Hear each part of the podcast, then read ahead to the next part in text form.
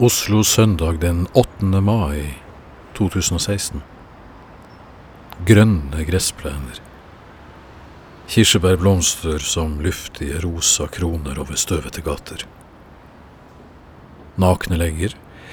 Man har latt seg friste, men man vet ikke om man helt kan tro på det man ser eller det man føler. Det kan være for godt. For godt til å være sant. Noen kan ha tatt feil, noen kan ha forregna seg, det kan være meteorologen, eller det kan være deg sjøl, eller det kan være noen andre, en ukjent, hvem vet, noen du fortsatt ikke har møtt. Men visse sjanser må man bare ta, det kommer ingenting godt av å sitte og vente på å kunne si hva var det jeg sa, jeg visste vel innerst inne at dette var feil. Årets første veps blir observert sjanglende i nedre luftlag i Eilertsunds gate. Den kan ha fått noe for seg, den vepsen. Et spor av en lukt eller en vibrasjon fra en fjern varmedis som den og dens instinkter plutselig klikker inn på. Dette er noe den ikke kan bestemme sjøl. Alt ligger nemlig ferdigprogrammert i sentralnervesystemet som riller i en vinylplate, den samme visa om igjen og om igjen hele sommeren, inntil den slutter å virke og faller til bakken, altså vepsen.